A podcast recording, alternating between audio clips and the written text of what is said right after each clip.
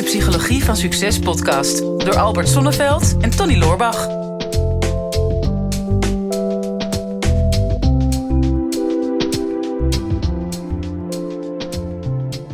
Tony, ik heb toch wel een gewetensvraag aan je, jongen. Ik, eh, Gewetensvraag? ja, we, ja, we Ga kennen je elkaar. ervan uit dat ik er geweten heb?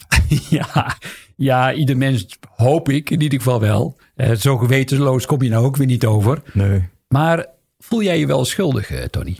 Schuldig. Ja. Ik me wel eens schuldig voel. Ja, vast, vast wel. Ja, niet, niet zo vaak, nee. nee ik ben wel redelijk, redelijk eens met wat ik, hoe ik mijn leven leid. Ja. Maar ja, als je nou het antwoord schuldig blijft, hoe, hoe ga je er dan mee om, Tony? Dat is wel de vraag natuurlijk. Ja, ik denk ja. Ik weet het niet. Misschien dat ik dan straks terugkijk op de podcast en dat ik denk, ik had het antwoord wel geweten. Ja. Hè? Maar geweten vooralsnog heb ik niet. Nee, eh, Nee. nee, daarom.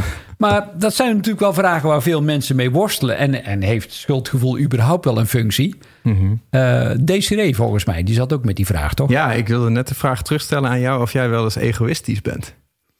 Eh, ja, ik, je hoort de twijfel in mijn stem. Hoorde je hem? Ja, ja ik hoorde hem. Ja, ja. het is goed maar. Ja, maar...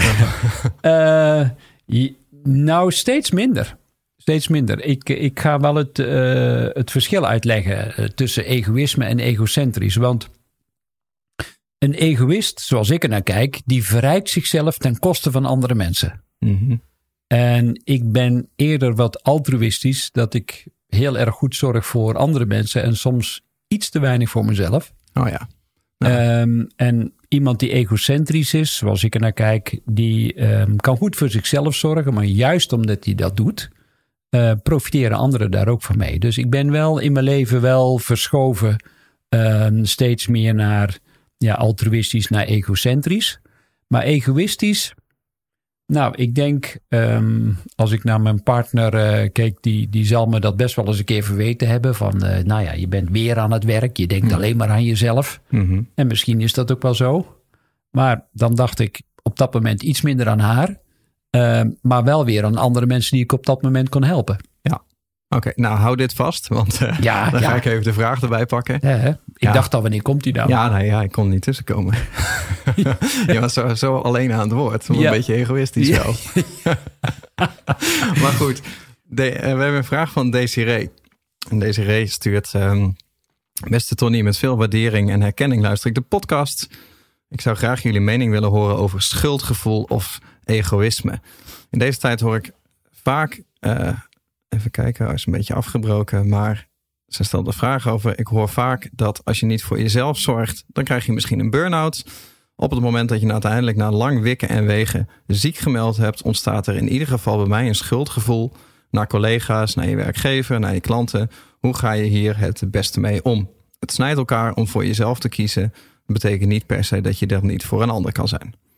En dat is een beetje wat jij natuurlijk al aangeeft. Dus hoe zit dat? Hè? Op het moment dat je voor jezelf kiest, ben je dan egoïstisch?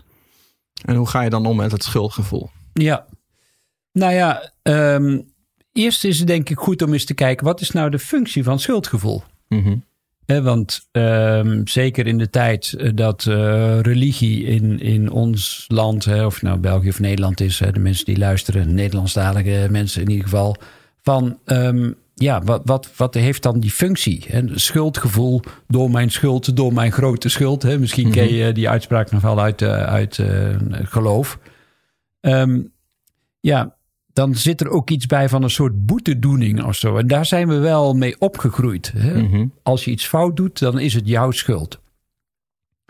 Nou, voor mij ligt dat grensvlak op wanneer je bewust de ander pijn doet. Dan kun je je gaan afvragen van, ehm, ja, heb ik zorgvuldig gehandeld? Kijk, als je een stuk in je kraag zuipt, vervolgens stap je achter het stuur en je rijdt een moeder met een kind van de fiets af, dan is het wel degelijk jouw schuld. Hè? Want je wist van tevoren, oké, ik verhoog het risico.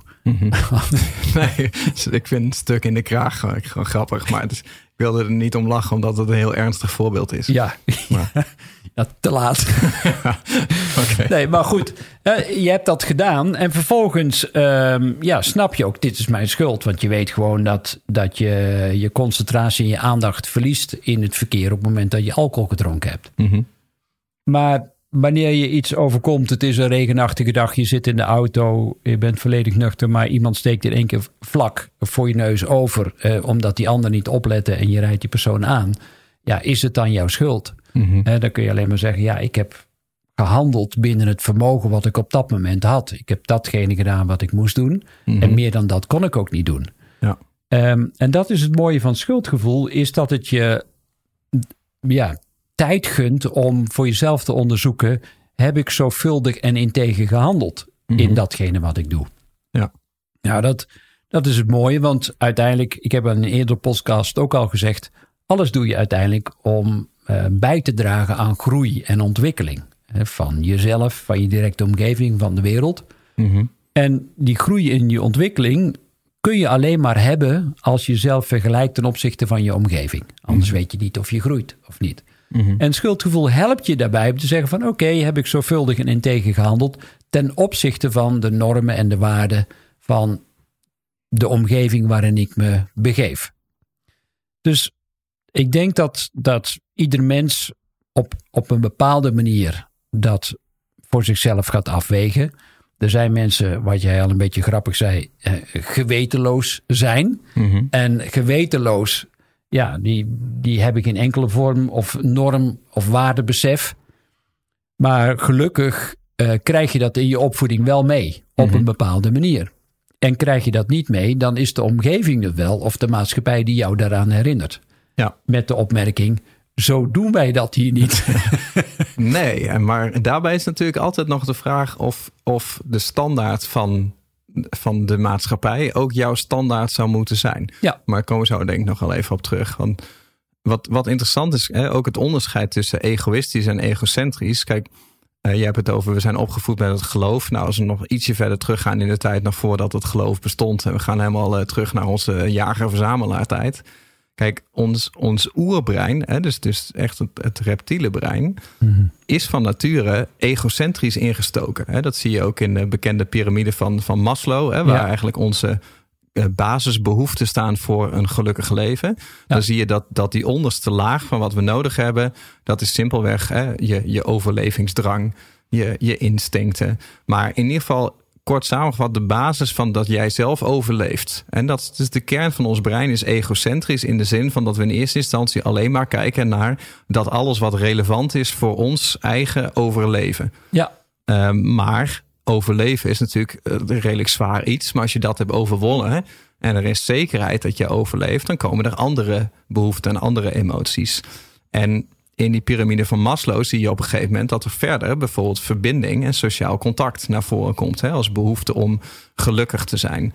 Dus wat je eigenlijk ziet, als je dat vertaalt naar de moderne tijd, is dat zodra je overleven eigenlijk zeker is en je aan je basisbehoeften hebt voldaan, dan wordt eh, verbinding met anderen, eh, liefde voelen, geliefd, jezelf geliefd voelen, wordt eigenlijk een belangrijkere kernwaarde dan, dan dat egocentrisme. ja, dus je ziet eigenlijk dat in deze tijd dat de meeste mensen liever iets voor een ander doen dan dat ze voor zichzelf doen. ja. Dus we zeker. zijn strenger voor onszelf dan dat we voor anderen zijn. En we geven liever iets dan, dan dat we iets krijgen. En ehm, ik denk ook dat, dat, je, dat je dat ziet. Hè, waardoor het aantal burn-outs ook zo hoog is op de werkvloer. Is dat heel veel mensen zijn pleasers. Eh, omdat ze gewoon kijken van nou, mijn eigen overleven, daar ben ik zelf verantwoordelijk voor. Ik denk dat ik dat wel onder de knie heb. Hè, dus die voelen die burn-out niet aankomen. En die besteden al hun energie aan het ontzorgen van anderen, aan het helpen van anderen. En om maar zo geliefd mogelijk te zijn. Ja. Alleen ergens is dat heel egoïstisch om te doen. Want daarmee ontneem je die andere mensen de mogelijkheid om hetzelfde te doen. Ja, als ik heel veel voor jou doe, of ik doe meer voor jou dan jij voor mij. Daar, daar kan maar één kant op werken. Dus het kan Nou, niet tegelijkertijd. Hè? Da- daag, daag me uit, zou ik zeggen. Nou ja, maar het, het kan Ja. niet zo zijn Nee. dat, eh, dat als wij met z'n tweeën samenwerken, dat ik op hetzelfde moment meer voor jou doe, op precies hetzelfde moment als dat jij meer voor mij doet. Dat kan niet. Je moet altijd een van de twee meer voor de ander doen. Ja. Dus als ik denk van, nou, ik ga mijn leven zo inrichten dat ik altijd veel meer voor jou doe dan jij voor mij, dan is dat voor mij heel egoïstisch. Want ik ontneem jou de mogelijkheid om je geliefder te voelen door meer voor mij te doen. En dat is een beetje een interessante paradox. Ja, fantastisch. Ja, heel leuk dat je dat zegt. Hè? Want Ehm, nou, in een eerdere podcast hebben we het al gehad over burn-out ook. En uh, toen ik aan een Engelse professor vroeg: What's the reason why people get burned out? Toen zei hij: Reason one, they are living a lie. En reason two, they are compulsive helpers. Mhm. En compulsive helpers is dat je een soort dwangmatig, ehm, ja, ge- dwangmatige focus hebt om andere mensen eh, te helpen. Mhm. Eh, wat hij ook zegt, eh, een, een professor in de verslavingszorg. En hij zei ook, naast iedere verslaafde staat een verslaafde aan het helpen van andere mensen. Mhm. En het is mooi wat je zegt als je teruggaat naar die oertijd van de jager en verzamelaars. Want ehm, ja, vanuit dat reptiele brein zijn we ons gaan ontwikkelen naar een zoogdierenbrein. We zijn toen in kuddes gaan leven. Mhm. En daarin hadden we elkaar ook keihard nodig. Dus eh, om, om een bison te vangen, ja, dan moesten we heel slim samenwerken om uiteindelijk die bison ook eh, te kunnen vangen. Maar grappig, als ik daar dus iets over vertel of iets schrijf. hè, Ik ben een boek aan het schrijven en er komt een stuk over groepsvorming en community building in. Ja. En ik schrijf dus ook van als jij een bison wil vangen.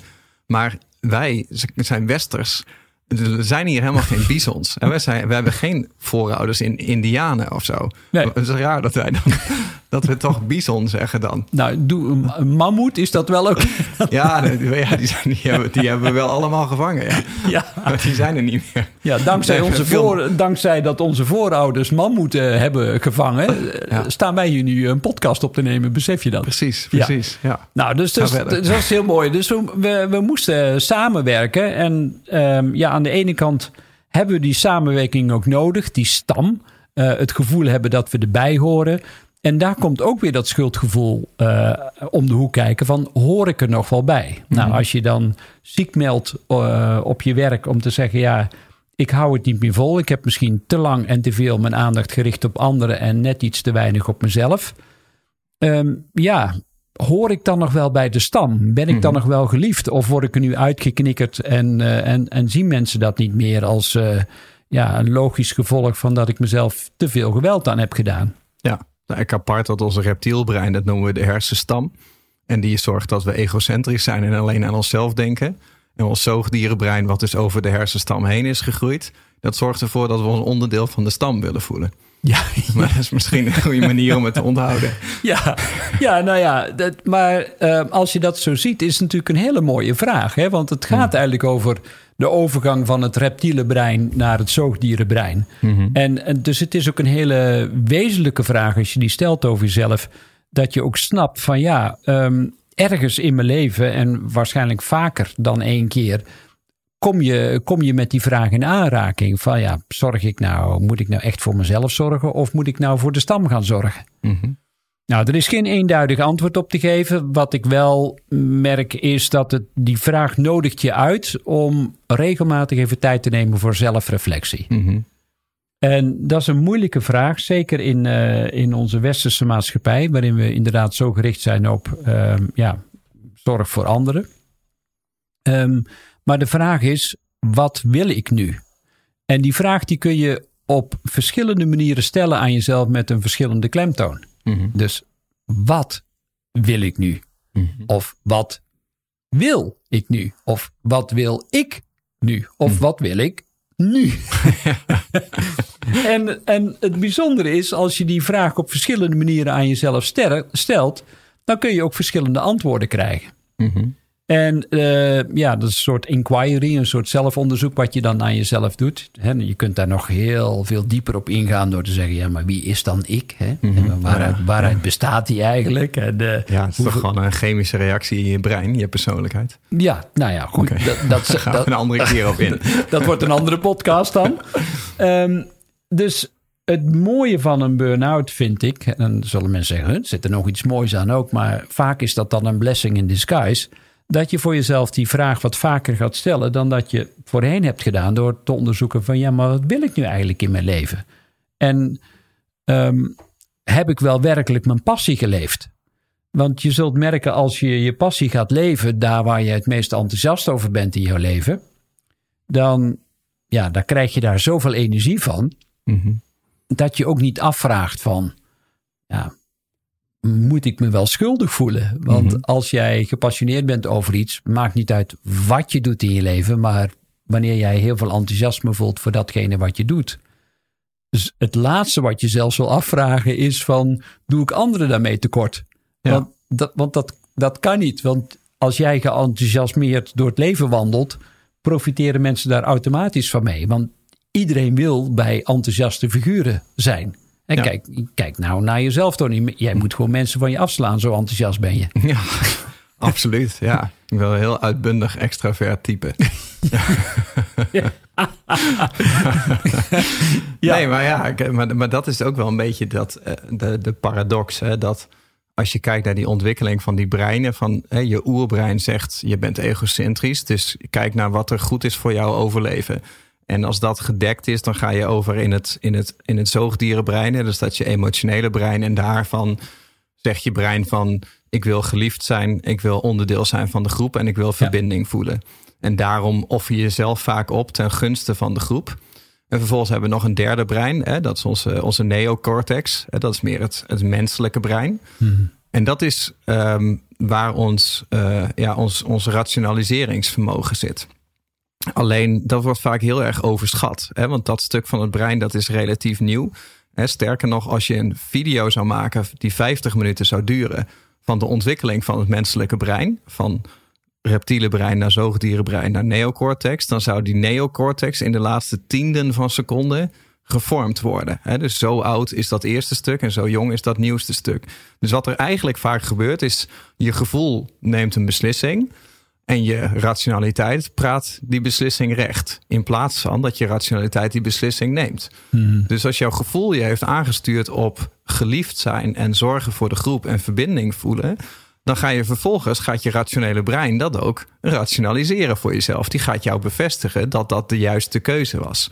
En daardoor kan je heel erg over je eigen grenzen heen gaan in het pleasen van anderen. Omdat je voor jezelf blijft goed praten dat dat de juiste strategie is voor jouw overleving of voor, jou, voor jouw geluk. Op zich, op zich logisch. Ja, en je geeft jezelf ook altijd gelijk. Dat is het probleem. Klopt, klopt. Alleen de paradox zit hem erin dat op het moment dat jij eh, onder stress komt te staan of, of een burn-out krijgt, dan en je kan mensen niet meer zo helpen als dat je altijd deed.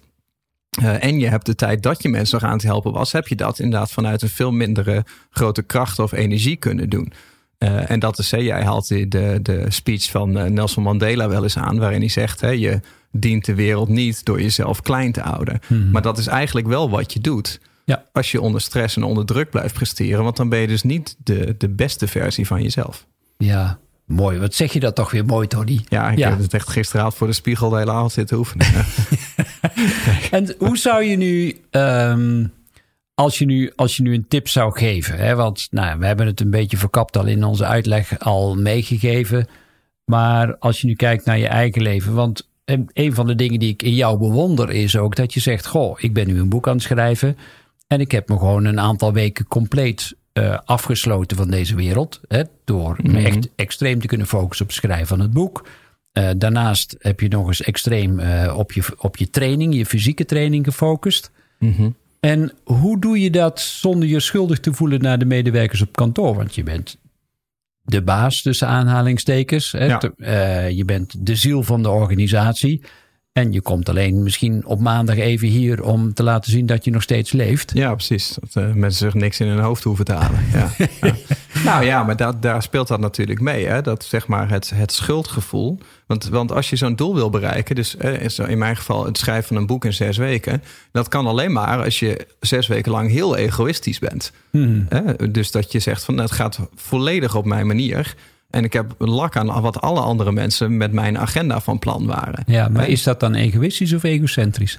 Ja, dat is, dat, dat is de vraag. Hè? Ja. Dat is, ehm, dat is, eh, ik, ik vind dat daar een hele dunne lijn tussen zit. Hè? Dat zie je ook bij topsporters. Ja. Die een groot gedeelte van hun leven echt egoïstisch zijn. Dat eh, partners en eh, kinderen, die moeten zich schikken naar de planning Ja. van de topsporter. Mhm. En ja, dat is ergens egocentrisch, maar dat, ergens is dat ook egoïstisch. Ja. Ehm, en dat, dat, merk ik ook wel. Ik denk, oké, dat speelt dan mee. Ehm, en toch ook wel een stukje schuldgevoel. Hè? Op het moment dat je zegt van ik zit zes weken in een fitness challenge. Dus ik doe zes weken geen alcohol. Of geen, eh, geen lekkere dingetjes. Ja, dan ga je gezellig met iemand een eh, kopje koffie drinken. En dan hoort een stuk taart bij. Dat jij zegt van ik doe niet mee. Waarmee je het plezier een beetje Hè, dus de, de verbondenheid en de liefde, waar we het net over hadden, die doe je een beetje afbreuk daaraan. Mhm. Of als jij gaat borrelen met eh, je beste vriend en jij zegt, eh, nou doe mij maar een kopje thee, dan breek je ook iets van de verbinding van dat moment af. En daar voel je dan vervolgens weer schuldig over. En dat je denkt van nou, hè, moet het nou per se op mijn manier of zou ik nou maar gewoon zwichten en ik pak gewoon maar even een drankje mee. Ja. Dus ja, daar begint het wel mee. Dat je, dat je weet van jezelf van wat wil ik nou bereiken? En waarom is dat zo belangrijk voor mij? En waarom is dat zo belangrijk voor anderen? En ik denk dat het helemaal eh, niet raar is om af en toe iets te doen wat echt alleen maar belangrijk is voor jou. Ja. En eh, net wat je zegt, van daar zit wel een indirect gevolg aan. Dat als jij zelf gelukkiger wordt met jezelf, dan kun je andere mensen ook gelukkiger maken. Ik denk, als je niet gelukkig bent met jezelf, kun je andere mensen ook niet gelukkig maken. Dus Nee. daar begint het mee. Alleen, eh, ja, dat is wel een hele bewuste beslissing die je af en toe moet nemen. Dit is de Psychologie van Succes podcast door Albert Sonneveld en Tony Loorbach. Ja, beste luisteraars, dat was hem alweer voor vandaag. Weer een aflevering voorbij van eh, de Psychologie van Succes. Ik hoop dat je het waardevol hebt gevonden. En ehm, wat je ons dat ook zou willen laten weten. Eh, mocht je nog niet geabonneerd zijn op onze podcast, doe dat dan even. En wat we heel erg tof zouden vinden, is als je ook even een review zou willen achterlaten. We vinden het natuurlijk heel leuk om te horen van jou wat je van de podcast vond, welke inzichten je eruit hebt gehaald. En om dat natuurlijk in de review-sectie terug te gaan lezen. Heb je nou een vraag en je zou graag met jouw vraag in de uitzending willen komen? Stel hem dan op eh, de social media. Onze kanalen zijn vooral LinkedIn en natuurlijk Instagram. De beste vragen pakken we eruit en grote kans dat je dan terugkomt in deze podcast.